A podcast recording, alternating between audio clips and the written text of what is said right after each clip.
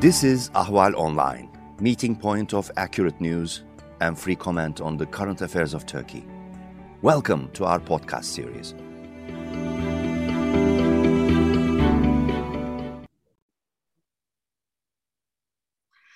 Welcome to Turkey Trends, part of Ahval podcast series. Uh, my guest today uh, is uh, Suleyman Ozeren, uh, adjunct professor in George Mason University and head of the new think tank on Turkey, the Orion Policy Institute. Uh, and the topic today is very important. It's about Erdogan troll army. and to discuss that because uh, uh, Suleyman have uh, published a very interesting research about uh, this phenomena using trolls as an army on social media to promote certain agendas uh, in Turkey. So Suleyman, thank you very much for joining me today. Thank you for having me, Nervana. Uh, first, would, it will be great if you just elaborate a little bit about your new think tank, the Orion Policy Institute. What uh, uh, is is this an independent think tank? Uh, tell me a bit more about it. Sure. the Orion Policy Institute is established by my colleagues and I, who are academics at different universities in the United States, in Canada, and Europe. This is an independent think tank uh, which means we don't have any affiliation with uh, uh, certain individuals or groups. But uh, this being said, we are looking forward to partnerships, uh, collaboration, and cooperation in the area of research and analysis. Uh, so uh, this is not the Orion Policy Institute is not going to focus solely on Turkey. Turkey would be just one of the many topics that we will be covering. So, for example, uh, from you know, uh, from uh, global and, and, domestic security issues to uh, uh, human rights, democracy, we are going to be covering uh, a, a, range of areas and, and, and, disciplines. I think the sort of one of the distinctive aspects of the Orion Policy Institute is that our we are going to promote policy through high quality research. Uh, in, in other words, we are, we are very much looking forward to uh, producing publications, research reports, uh, policy briefs, op-eds based on evidence-based research. Brilliant. Uh, but uh, the, the, uh, the, research you just published about uh, the political astroturfing and Twitterscape uh, is not funded by any country or any entity. It's just no. your, your post. Great. No, it's just voluntary work. And it, it took us more than 11 months to finish this work. My colleagues and I worked days and night. And it is, it is solely and totally voluntary based fantastic. I have to say, I read it in depth and it is really amazing. And I applaud you for this hard work. So, you mentioned the rule uh, of uh, the uh, AKP uh, Youth Army uh, and the political astroturfing campaign. Can you just first define what is political astroturfing mean? I, I think uh, politi- political astroturfing is basically a central, centrally coordinated disinformation campaign in other words, uh, there is an entity and that entity exists solely for disinformation. In our research, uh, the youth organization of the AKP has involved in extensive uh, disinformation campaign on social media. And in political astroturfing, uh, it is not just about uh, disseminating uh, disinformation, but it is also about dominating the, the public discourse and leaving no room whatsoever uh, for the opposition voices. Uh, so in this case, the AKP youth have been uh, utilized uh, to dominate the public discourse in favor of the AKP. And of course, they also intimidated uh, the, pol the political opposition. Uh, what language they use? I mean, is they are focusing mainly on Turkish audience or they it was, use English? It was Turkish It was, it was Turkish. Turkish. Yes. Right. Uh, fascinating. Uh, so the next step, I mean, you mention or you analyze 6,252 Turkish state sponsored account. That is huge, um, the number. Uh, and and uh, you mention that uh, they work in critical uh, incidents and the uh, during election seasons. Is that correct? Yes, Nervana. Uh, actually, the Twitter itself has suspended and removed more than 7,000 accounts that are that attributed to AKP's youth organization. In other words, these were trolls uh, organized, funded, coordinated by the AKP itself. Uh, so because of their disinformation campaigns and misinformation, misinformation campaigns on social media, uh, Twitter decided to take down these accounts along with other accounts uh, in Russia and in China. And as you, as you mentioned, there are two distinct areas where these accounts have been very active. The first one we categorize as the uh, critical national events or incidents, and the second one uh, is the elections. Mm-hmm. And when we look at the, the uh, accounts that we analyzed, uh, the, for example, the account creation uh, the number of accounts that, that are created during those times, the hashtags that they posted, the Twitter messages that they retweeted have uh, increased significantly. So there were times where these accounts uh, witnessed sort of peak, uh, sort of surge uh, to, again, to respond to a, a national critical incident or to respond to election uh, periods. Mm-hmm. And do you see, did you see that this account were successful in reaching and convincing the Turkish public?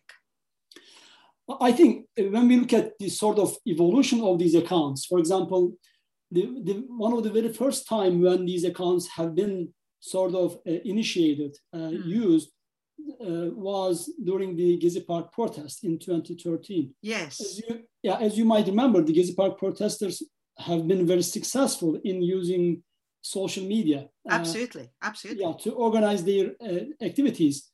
And as a response to this, uh, AKP decided to create uh, the very first sort of troll armies, and we also call them ACT trolls. these troll accounts have been active to discredit the Gezi Park protests portrayed it as an extension of a foreign intervention. Uh, and similarly, we saw a sort of similar response or reflexive response uh, from the troll armies during the and aftermath of the uh, uh corruption and bribery operations of 17th and 25th of December 2013.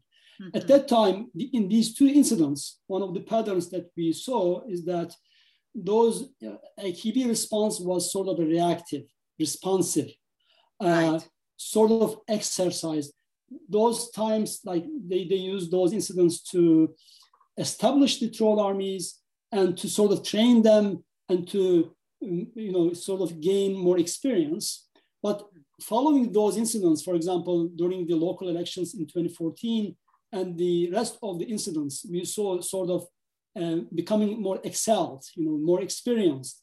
Instead of being responsive, they were more of a, uh, you know, proactive. I see. I see. Uh, I, I uh, how about your experience? It might be not in your research because you focus on the events inside Turkey, but have you uh, uh have any, um, you know, uh, have you encountered the impacts of those trolls on the events of foreign policy, for example? I personally, in 2013, noticed the increased Turkish trolls activity uh, during the uh, removal of um, Morsi, uh, Muslim Brotherhood president in Egypt. And they have gone uh, wild to demonize Egyptian people who, who were against the Muslim Brotherhood what impact so my question is what impact of those trolls on turkey foreign policy? Because now turkey is expanding in its in the middle east if that makes yeah, sense. exactly. You know i totally agree. I mean eh, when we look at the domestic policy and foreign policy of turkey during mm. the akp rule i think i think it is impossible to sort of uh, you know uh, differentiate or separate these two from each other because Erdogan uh, purposefully used domestic violence, uh, domestic, so domestic politics as a leverage. Right. Uh, in foreign domain, vice versa. He used foreign policy issues at the domestic level to promote uh, AKP's political agenda. This, uh, this being said, I think when we look at the Twitter accounts and how they responded to certain incidents, for example, Kobani incidents, mm. for example, the, the uh, military intervention in Syria, uh, uh, the uh, uh, Pastor Brunson incident, you know, the, the, so the incident that uh, created a tension between Trump administration and Erdogan administration. Mm-hmm. We saw a certain activities increase in the activities of these troll accounts, which means uh, it is not just limited to during to uh, you know the the activities in Egypt, mm-hmm. but also they are they have been active in different uh, areas in, right. in, in, terms of Syrian policy, in terms of U.S.-Turkey relations.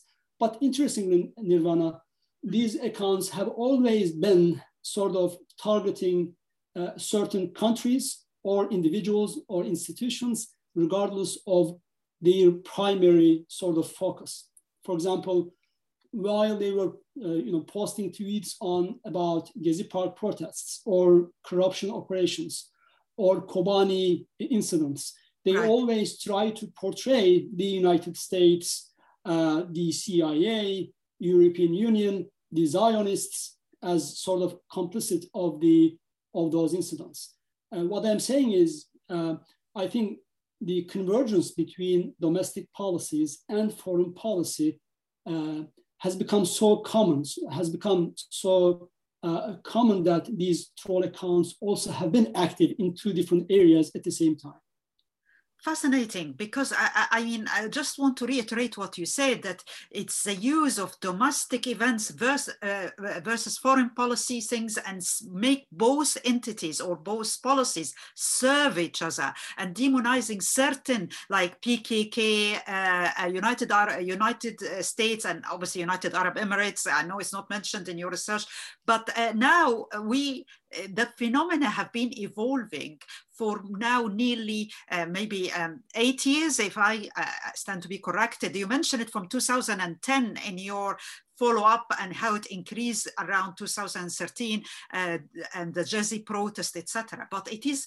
non-stop. It's you know relentless. Even now during the fires, um, during uh, the there was uh, people uh, saying Turkey need help, and the government and their trolls immediately created a counter campaign saying that state is fine and doesn't need help.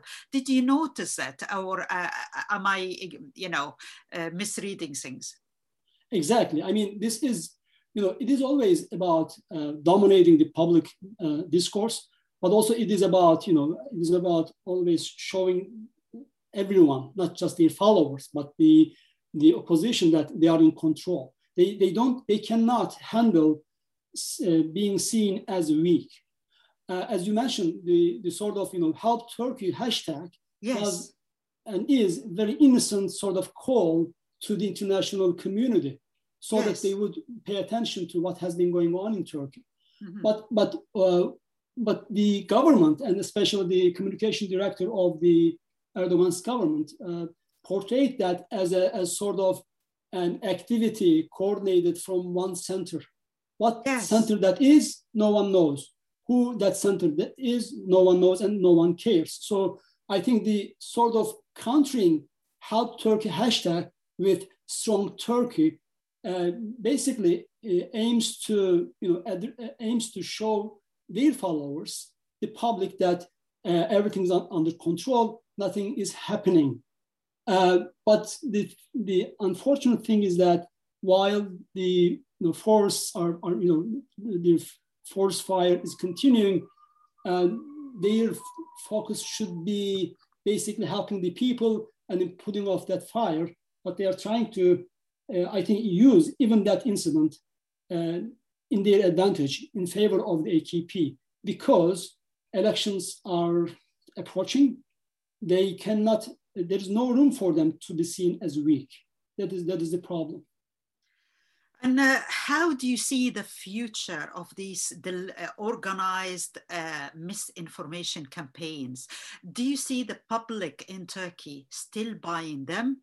Or do you see it will be only a phenomena bought and believed by the hardcore supporters of Erdogan and his AKP party? Uh, and also, the AKP is not a unified party. There are wings in the AKP probably behind the scene feeling uneasy about it, isn't it? Yes, exactly. Uh, Nervana, when, when we look at the data that we, we uh, analyzed, we uh, categorize you know, uh, certain political affiliations into four general categories, uh, pro-Erdogan, Kemalist, uh, nationalist, and pro-Kurdish. the reason I'm mentioning about these details is that when we look at especially the Kemalist accounts, and again, these are all trolls. These are members of the troll armies, but they are portraying themselves. They, they are posing as if they are the authentic followers or, or sympathizers of the uh, uh, Republican People's Party. Right. Uh, and why are they doing they that? Are, and it is, there's a term, it is a technical term, but it is what is called sock uh, uh, uh, puppetry, which means the, these individuals create false identities by concealing their actual identities and they pretend to be uh, sympathizers and supporters of A or B political party, while actually they are members of the AKP uh, uh, troll armies. When they post messages, they post messages in such a way that they they portray them, even though they are members of the you know, CHP, the main opposition party, they post messages to support AKP policies. And they criticize Kemal Kılıçdaroğlu, who is the leader of the main opposition party. What I'm saying is here, even though, yes, the problems, economy, social, political tensions are increasing in Turkey, but the trolls are also evolve. They are evolving constantly to basically responding to changing environments. I think in the future, and now the trend is, has already begun, they are changing their modus operandi in terms of the messaging methods, the content of the messages, so that they could be embedded into the mainstream followers of the opposition party members.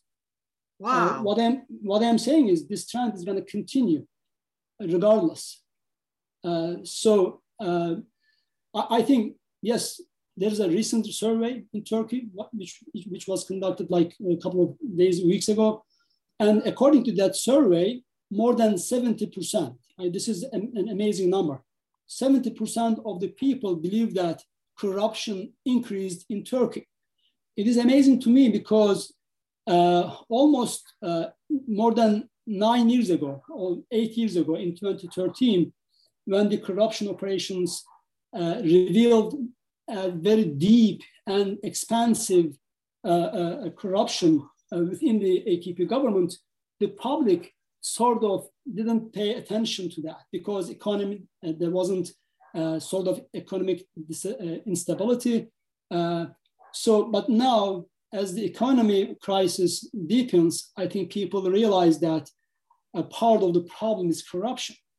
As you mentioned, the, you know, the forest fire also indicated a fact that although Turkey has been seen as the regional power, you know, sort of intervening in different countries, uh, peace builder or whatever, however they define it, uh, people realize that uh, the government didn't allocate any resources for this kind of crisis. And I think that that kind of weakness, that kind of vulnerability uh, trans formed itself into the perception that it is because of corruption. This being said, I think the social media is going to be another, uh, uh, another platform uh, for the troll armies and opposition parties to win the uh, public sentiment, to influence the public perceptions. That is why I think AKP government is going to continue using uh, troll armies, while at the same time try to use other tools to silence the opposition. Okay, one last question. Uh, do you see the opposition in Turkey trying to match up to that, or at least try to debunk uh, the false information spreading against them. And is this effort is successful or it's a non-starters? I think if you if if the question is about the opposition political parties, I must say uh, they are not helping the, uh, the dissenting voices, the opposition voices, but they are indirectly uh, somehow they are ending up helping the ruling party. Uh, instead of focusing on the real problems, uh, what we see, uh, especially by some of the members of the um, opposite, main opposition party, they are tackling down or they are taking on uh, certain issues which are not priority of the society. Right. Uh, this being said, however, the individuals, you know, the members of NGOs, activists, yes, uh, independent journalists, I think they are much more effective. Journalists, not just in Turkey, but journalists who are exile in exile. Yes. They are. They have. have I mean, they, their followers. Uh, in, the number of their followers incre- are increasing because people want to listen to the realities, not some socially constructed realities, but the actual facts on the ground.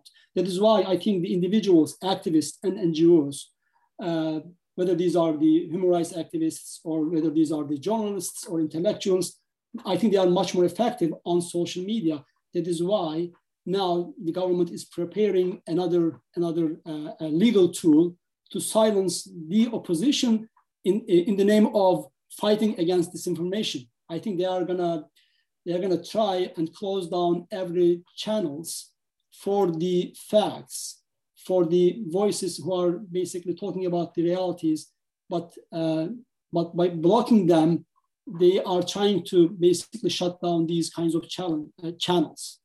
That is this is uh, uh one of the concerns that I I I'm I'm thinking about. So I think the opposition parties should do more on preventing this from happening. I don't know how they are going to do that. Uh, Professor Suleyman Ozeren, thank you so much for that. I hope uh, people will wake up and the Turkish public will wake up uh, uh, uh, and stand and not buying the Turkish trolls narrative and their evolution and their embedding in false identities because this is dangerous and the future of Turkey is hanging on the balance. I wish my Turkish brothers and sisters all the best. Thank you so much, Professor Ozeren. Thank you, Nervana, for having me.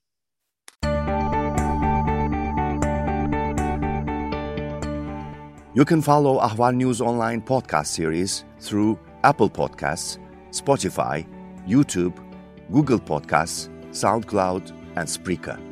All you need to know about Turkey is here for your ears, mind, and attention. Thank you for listening to our podcast.